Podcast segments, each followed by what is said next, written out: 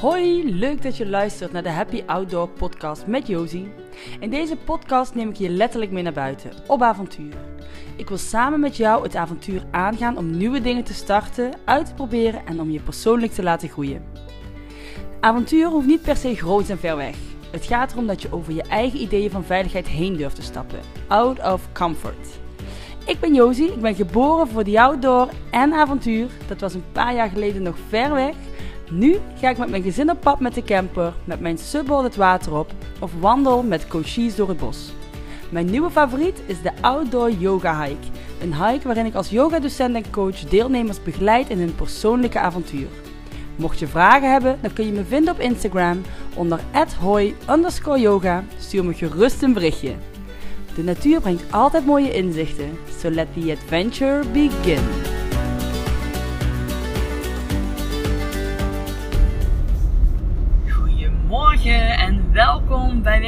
Aflevering van Josie's podcast. En ik ben er heel blij mee dat ik er weer ben, want uh, het is alweer een tijdje geleden dat ik een vorige podcast heb opgenomen. En ik zat nu in de auto onderweg naar de opleiding en ik dacht, weet je wat, doe het gewoon. Ga gewoon lekker wat vertellen en hopelijk kan ik jou daarmee inspireren.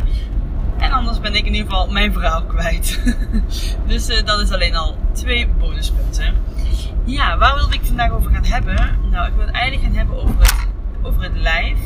En waarom? Omdat het lijf op dit moment echt centraal staat in mijn leven, in mijn begeleiderschap. En daar wilde ik jullie wat meer over uh, meegeven eigenlijk. Want uh, de weg die ik zelf afgelegd heb is ook via het lijf geweest. Namelijk inmiddels al, nou volgens mij was het 2000 zes of zo, lang geleden, ben ik begonnen met yoga. Dat was voor mij uh, de eerste keer dat ik anders ging bewegen eigenlijk. Bewuster ging bewegen, meer ging voelen in mijn lijf. En daar kwam ik van alles tegen. Daar liep ik tegen een hele hoop obstakels aan. Niet alleen fysiek, maar vooral ook heel erg mentaal. Maar ik merkte wel dat het me iets bracht zonder dat ik er verder woorden aan kon geven. Het was gewoon, hé ja, dit is fijn, het doet me goed het, het triggerde iets bij mij. Maar wat precies, nou daar was ik op dat moment helemaal niet bewust van. En daar ben ik een aantal jaren mee doorgegaan. Uh, op en af, af en aan. Soms wel, soms niet. Uh, maar elke keer kwam ik erbij terug. En weer, en weer. En toen ik eenmaal... Ja, in 2000... Nou, moet echt nadenken zeg. 2014, 15... Uh, steeds meer vast begon te lopen in mijn werk, in mezelf, in mijn hoofd. Die heb ik ook vast in mijn lijf. Want het, het, het blokkeert gewoon. Het was er niet meer. Ik, ik, natuurlijk, het was er fysiek wel, maar ik had er totaal geen verbinding meer mee. En dan was ik even helemaal kwijtgeraakt. En nou ja, dat verhaal heb ik al eens eerder verteld natuurlijk over het, het, niet zwanger kunnen worden op dat moment van mijn zoontje. Dat heeft toen uh, anderhalf, bijna twee jaar geduurd. Uh, daar zijn we zelfs uh, voor onderzoek naar het ziekenhuis geweest en alles. En daar was gewoon geen medische verklaring voor. Het zou van alle kanten gewoon moeten lukken. Dus voor mij was er maar één mogelijke reden. En dat is dat mijn lichaam het niet toeliet. Dat mijn lichaam het niet wilde omdat ik te veel stress en druk ervaarde op dat moment. Wat ook echt zo was. Ik, uh, ja, ik durf nu eigenlijk wel met zekerheid te zeggen dat ik gewoon eigenlijk al een burn-out had. Al heb ik dat destijds niet en durven toegeven. Er zat zoveel schaamte op. Uh, en zoveel uh, eigenwaarde. Dat ik dacht van ja, nee, dat gaat mij niet gebeuren. En dat, dat, oh, dan heb ik echt gefaald. Dus dat, dat was iets wat ik absoluut op dat moment niet wilde toegeven. Maar het was wel zo. En toen heb ik mijn baan opgezegd en ben ik een andere weg ingeslagen. En daar stond yoga volledig voor op.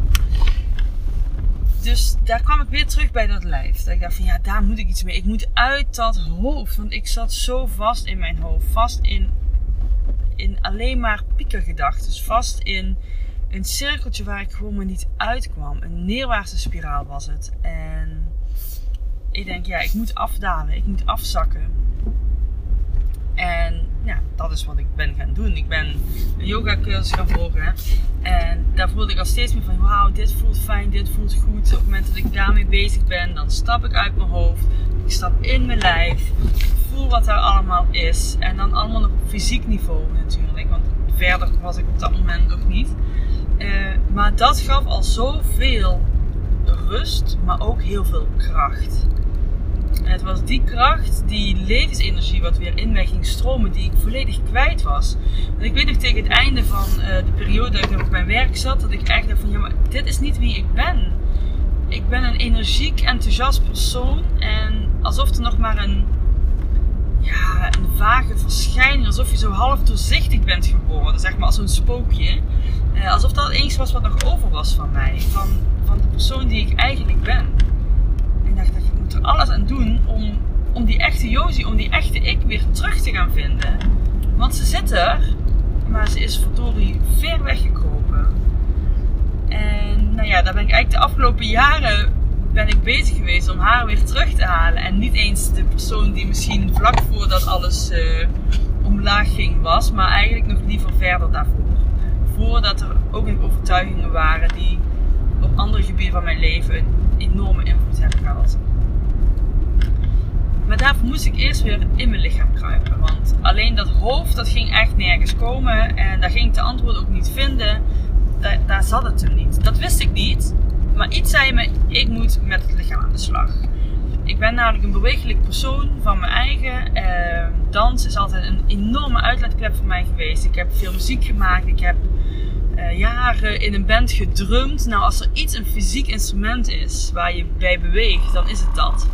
Tenminste op de manier waar ik het op deed. Er zijn er ook die zitten heel stil, maar ik niet in elk geval. Uh, daar kun je je helemaal in geven. Dus dat lijf, dat, dat is wel echt heel erg belangrijk. Dat ja, voelde echt als een verlengstuk van mezelf. En dat is het natuurlijk ook. Maar los van dat, die kant ben ik nu in de opleiding en ook in de opleiding, eigenlijk elke opleiding die ik heb gehad bij Raafwerk, um, daar staat het lijf voorop. En dat sprak mij enorm aan.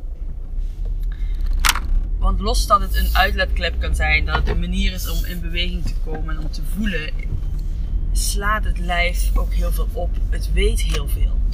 Het onthoudt alles. En elke keer als er iets nieuws gebeurt, wordt die, dat gebied, dat geheugen van dat wat er gebeurt, wordt groter en groter. Nou, dat klinkt misschien een beetje vaag.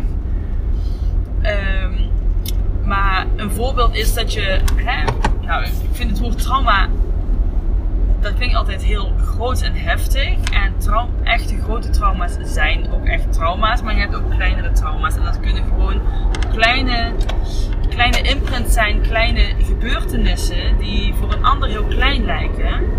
Maar die op jou een enorme impact hebben. En op het moment dat er iets gebeurt, of je nu um, een keer een val hebt met de fiets, ik noem maar een voorbeeld. Dat slaat je lichaam op je lichaam voelt die gebeurtenis, reageert daarop met een beweging. Daar ben jij misschien niet bewust van, want jij bent nog helemaal aan het desoriënteren van hé, hey, wat is er net gebeurd? En net zat ik nog op mijn fiets en nu lig ik opeens op de grond. Maar het lichaam krijgt alles mee. En dat onthoudt het. En ja, nu ik dit voorbeeld zo aanhaal, kan ik het voorbeeld. Is, het is een heel basic voorbeeld. Hè? Iedereen is misschien wel eens gevallen of heeft wel eens wat meegemaakt. Wat in principe heel onschuldig lijkt. En ik heb dat zelf ook ooit gehad. Er was zo'n bergje in Vermont. Nou, dat was een keer glad in de winter. En ik fietste altijd naar mijn werk. En het was zo spiegelglad dat ik in keer onderuit ging met mijn fiets. Omdat ik uh, ja, een beetje wat schuin op die bocht in ging. En sindsdien ging ik altijd op de rem zodra ik dat bergje af moest. Mijn lichaam reageerde, zonder dat mijn hoofd er al mee bezig was, reageerde mijn lijf al. Ik moet remmen, ik kan hier vallen. En dat is al een soort van trauma wat opgeslagen zit in je lijf. En hoe vaker ik dat bergje afging en hoe beter dat het ging, dan kan dat heel langzaam het vertrouwen weer terugkomen. Dan kan dat stukje van die schrikreactie, daar waar je lichaam telkens weer bevriest eigenlijk, als het ware, in een, een stand van, um, staat van alertheid gaat komen en zich schrap zet, kan het langzaam weer los worden en ontdooien. Maar stel, ik was nu een tweede keer gevallen. Dan was dat weer een bevestiging. zie je, dit gebeurt mij. Dit gebeurt hier. Dit is gevaarlijk. En dan wordt het niet alleen maar gewoon twee keer zo erg, maar vaak vergroot het dan nog veel meer. Dus dan wordt die bevriezing nog veel groter, die impact wordt nog veel groter. En dat is met dit voorbeeld, dat kan zijn op het moment dat iemand jou afwijst, in een relatie bijvoorbeeld. En elke keer um, wijst een partner je af en sta je er weer alleen voor. En dat gebeurt nog een keer en nog een keer. En dan stapelt zich dat op, maar dat gaat dus niet alleen laagje op laagje. Nee, dat vergroot met elke keer dat het gebeurt. En die beweging in je lijf, dat gevoel van afwijzing, wordt groter en groter. En daardoor word je voorzichtiger. En daardoor doe je misschien niet meer dat wat je graag zou willen doen. Daarom zet je die stap niet meer om iemand te leren kennen. Of je stapt die fiets niet meer op en je gaat altijd te voet. Uh, omdat je denkt, ik vertrouw het niet meer. Op het moment dat je het uit de weg gaat, dan zal het zo blijven. Dan zal het ook nooit gaan veranderen. En daar kun je met je hoofd op verschillende manieren bij. Daar kan iemand tegen je zeggen: Ja, maar dat is toch maar één keer gebeurd. En toen was het glad. En toen was dit of dat. En dat is allemaal rationeel. En dat is allemaal vanuit het hoofd. En dat kan kloppen. Dat kan de waarheid zijn. Maar zolang jouw lijf het niet kan voelen, gaat er geen beweging En het mooie is op het moment dat je daarmee aan de slag gaat, dus niet zozeer met het verhaal, niet zozeer met hoe je het dan anders zou moeten doen vanuit het hoofd. Nee, zodra je dat lijf erin gaat betrekken, een nieuwe beweging gaat maken, los gaat maken,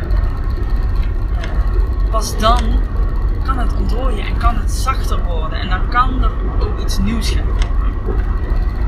En dat is precies waar we mee bezig zijn. ik vind het onwijs interessant. Ik vind het echt. Uh, ja, gewoon zo mooi om te zien. En dat ik ook echt voel van ja, dat is ook echt de weg om te gaan. En tuurlijk, we hebben alles nodig, hè, want we werken ook met ons hoofd. Er zijn zoveel dingen die je met je verstand uh, kan, juist met je verstand. Hè. Je mindset is enorm belangrijk hierin.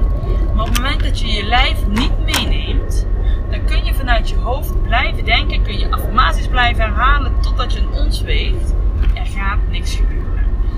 Want het voelen, het gevoel, emoties, al dat zit in je lijf. Dus daarvoor dien je het mee te nemen in wat je. En ik zelf vind yoga daar een hele mooie manier voor, maar dat is zeker niet de enige manier. Wandelen doe ik ook heel veel. Is ook een fantastische manier. Uh, als jij meer van het zwemmen of het hardlopen bent, prima. Maar het gaat niet zozeer dan om het sportgedeelte, maar wel om het fysieke, om het bewegen. En los daarvan gaat het om de kleine bewegingen bewust worden die jij maakt. Het eerste stapje daarin, het belangrijkste stapje wat ik met al mijn coaches doe, is echt terug naar het lijf door middel van de ademhaling. De ademhaling is de verbinder. De adem komt binnen, letterlijk via je hoofd en verspreidt zich door je lijf. Dus daarmee verbind je al je hoofd en je lijf. Daarnaast, door die focus daarop te leggen, stap je uit die gedachten, uit die monkey mind, wat misschien continu aan de gang is in je hoofd. En komt er wat meer rust, zodat er ook ruimte is om te gaan voelen.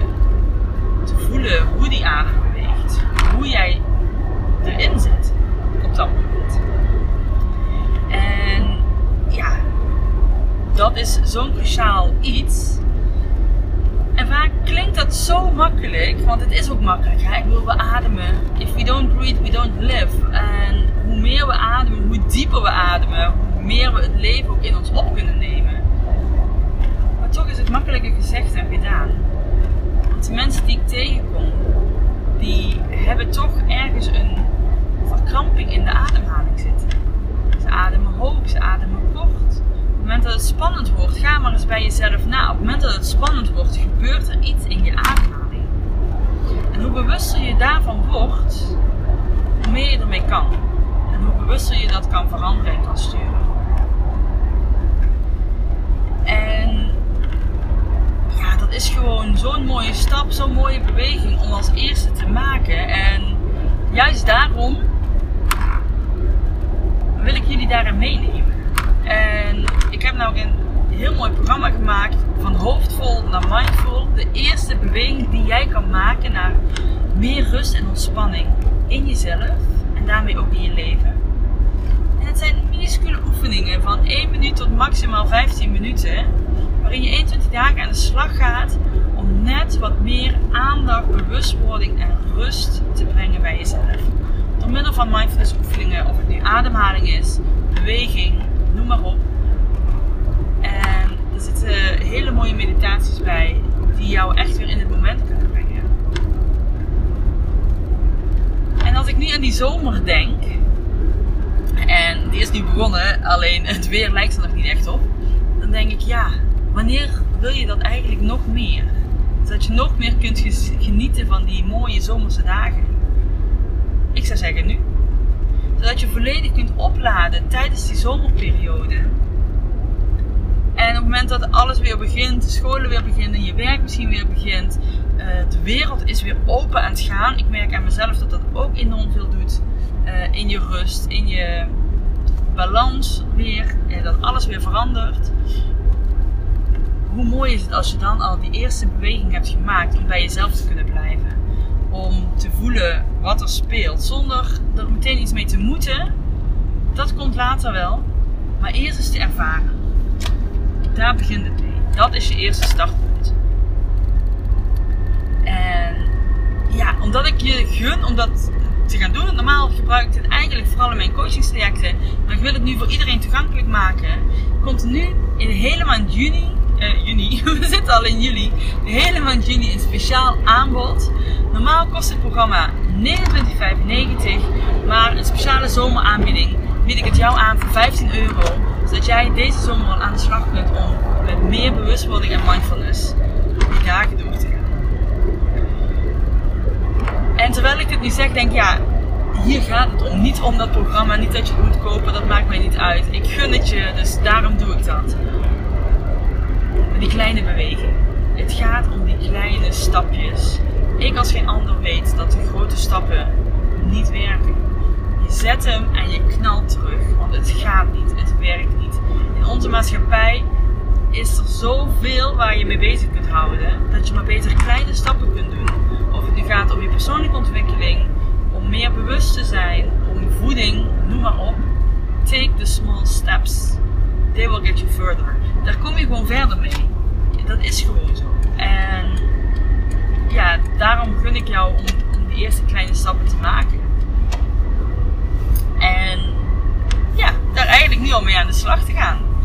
Dus ga naar mijn website, check het uit op www.hoi met y.yoga. Dus www.hoi.yoga. En uh, ga kijken bij online programma. Daar kun je via de link kun je het aankopen. En dan uh, hoop ik dat je kunt genieten deze zomer. Nog meer dan dat je misschien al deed. Ik wens je in ieder geval een super mooie dag. Ik ben bijna bij mijn uh, cursus aangekomen. Ik vond het heel fijn om weer te babbelen zo. Ik hoop dat je er iets aan gehad hebt. En we spreken ons snel. Doei doei!